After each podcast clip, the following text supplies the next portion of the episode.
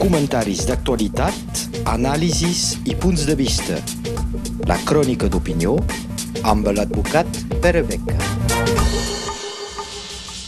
Bon dia. Veiem que a Catalunya, malgrat tot, els antics presos continuen la lluita, cadascú a la seva manera. En Turull camina, molts altres fan participació a les diades solidàries a la Catalunya del Nord, tots segueixen intentant fer passar el missatge de que, encara que s'hagi acabat el moment fort de la presó, s'ha de continuar aquesta lluita d'una manera diferent, però d'una manera constant.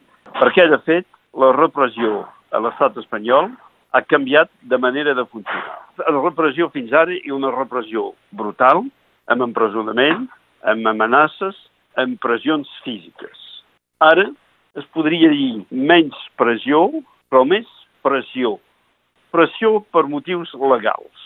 De fet, les entitats europees, les entitats judicials europees, totes, més o menys, a poc a poc, han anat dient que s'havien d'anul·lar els euroordres de detenció, que s'havia de refusar la base legal eh, sobre eh, la qual reposava tot el procediment espanyol i que el delit de sedició, que no existeix a la majoria de les legislacions dels estats europeus, no podia ser una causa d'extradició de polítics que estiguin a fora de l'estat espanyol.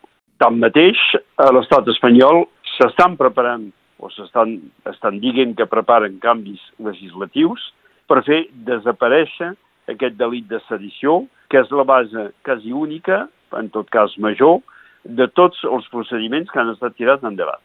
Situació molt similar a la que coneixen els que resisteixen a la Xina a Hong Kong, en la qual precisament a Hong Kong l'estat xinès intenta pressionar per al manteniment d'aquests delictes a la Constitució de Hong Kong, els tractes de la Constitució bàsica de Hong Kong en aquests moments, i els pactes que van seguir la sortida dels anglesos. És a dir, que la base legal, inclús implícitament, l'estat espanyol reconeix que no funciona. I ho reconeix més que tot per motius polítics. Posar nou dirigents polítics a la presó ha provocat una mobilització a dins i a fora de l'estat espanyol, una mobilització en base només per aquest motiu, de drets humans. La posició de les jurisdiccions internacionals i de la ONU mateixa ha sigut una posició dient no pot ser que una situació creada per una reivindicació política pacífica pugui servir de base a una repressió de tipus eh, privativa de llibertat. Ara, evidentment, serà menys fàcil explicar-ho, perquè la pressió s'ha convertit en una pressió administrativa i financera, és a dir, tocar la butxaca. I, evidentment, quan es tracta de diners, és molt menys fàcil de mobilitzar emocionalment l'opinió internacional. La situació de Mas, que es va trobar multat, la situació de molts funcionaris que se'ls demanen quantitats importants per suposar d'utilització il·legal de diners públics. Llavors que aquesta utilització era més que tot legal, sinó per fer entendre una opinió política repartida a tot el país. Però també la situació que resulta de certes prohibicions purament polítiques. Mireu el cas de Quim Torra, destituït de la presidència de la Generalitat només perquè havia posat dues senyeres davant del Palau de la Generalitat. I per això se li va treure el càrrec. Imagineu què podria ser a l'estat francès si es destituïa el president de la República Francesa. No sé per què, per exemple, eh, no ha mantingut la força francesa Barcana al Mali, que pot ser considerat com a un perill per l'estat francès, ja que se'ns va explicar que s'enviaven aquests militars precisament per lluitar contra el terrorisme al territori nacional. Llavors, de fet, tocar la butxaca dels dirigents polítics és una cosa que minoritza molt la mobilització internacional i inclús la mobilització interna. És una mica de, per reprendre l'expressió que es va fer servir a Xile al final de la dictadura de Pinochet, s'ha convertit, convertit la dictadura en dicta moja, en dictar moixa, és a dir, una manera més suau de portar la repressió, tot i mantinguent contra el personal polític i les seves famílies i tots els que depenen d'ells, mantinguent aquesta pressió important.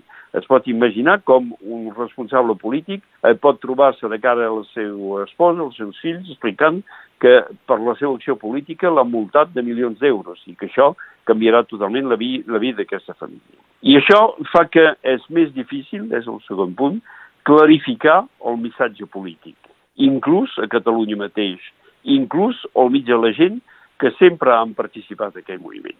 Com no hi ha tant d'aspecte emocional no tinguent gent a la presó, com hi ha més pressió suau, administrativa, moixa, però pressió, per tant, molts polítics es poden dir, no sé si tiraré endavant això, no sé si m'embolicaré en aquest cas, perquè les conseqüències personals i familiars poden ser considerables a nivell fiscal, a nivell financer, a nivell administratiu, a nivell de la manera de viure.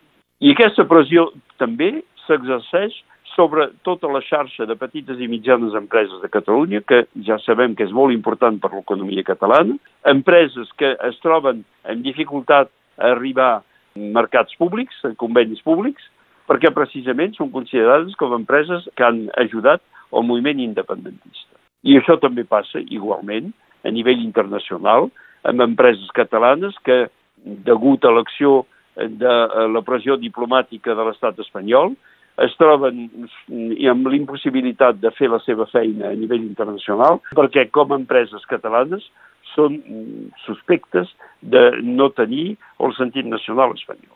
I tampoc és molt fàcil d'entendre com va el cas de Catalunya en aquests moments, perquè a fora hi ha molta gent que diu però si al final tots sou espanyols, no hem pas explicat suficientment que precisament els catalans no eren espanyols i que encara que hi hagi hagut ja 300 anys una invasió conjunta de l'exèrcit espanyol i l'exèrcit francès, Catalunya ha sigut sempre una nació, una nació amb un idioma, una nació amb una cultura pròpia, una nació amb institucions més antigues i al mateix temps més modernes que les institucions espanyoles que encara van al règim monàrquic i que aquesta situació no ho hem prou explicat i no arribem a explicar-ho prou, no fos que a nivell europeu, no fos que aquí mateix a la Catalunya del Nord. I a dins de Catalunya també surt el sentiment de, al final, no anem no, tan malament en aquests moments, eh, podríem aprofitar d'aquesta situació i esperar per més tard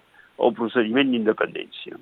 Però, bueno, hem de tenir en compte que sempre queda aquesta gram que sempre surt. Aquesta herba que la pots arrencar, pots arrencar la part de sobre de la terra queden les arrels i tornen a sortir. La gram del sentiment nacional català. Aquest sentiment nacional català és el que hem de mantenir i que a la nostra generació i les generacions que segueixen és la feina d'ara. Moltes gràcies. Comentaris d'actualitat, anàlisis i punts de vista. La crònica d'opinió amb l'advocat Pere Beca.